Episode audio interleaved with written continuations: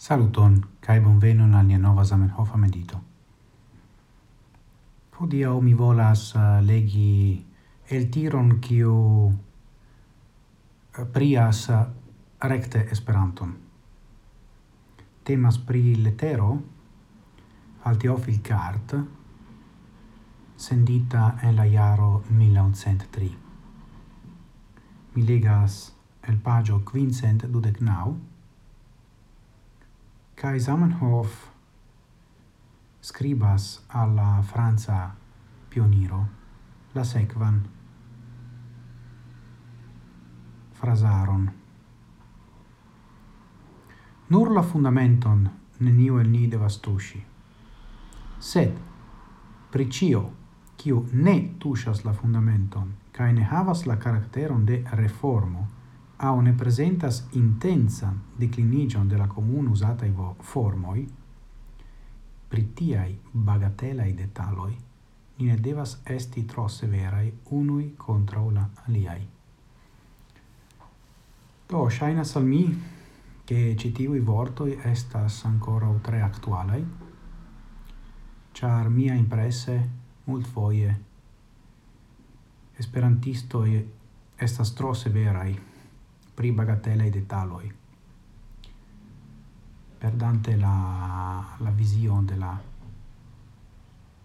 pli granda perspectivo pri Esperanto. ta mi volas inviti vin kun mediti, chu ni investas nian tempon? la afero de Esperanto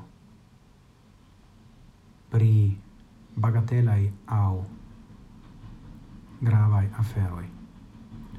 Compreneble citiu alvoco alla netuŝado de la fundamento, memoru citiu i vortoj es scribitai antau la publikigio de la fundamento mem, do duia, antau du 1903.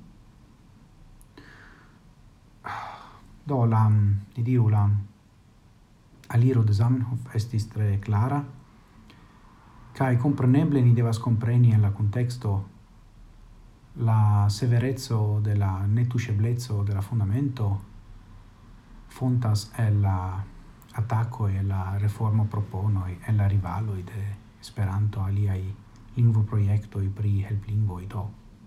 Tio estas tutte comprenebla laŭ la spirito della tempo, sed nun tio ne estas plu granda problema effettive. Sed, ali flanke, shainas al mi vere che citio al voco al ne esti tro severa e ancora actualas. Ciu vi ancao? Sam opinias con mia o ne? Nicun meditu. Coran dancon un provi attento, kai gis morgau cae antauen sen fine.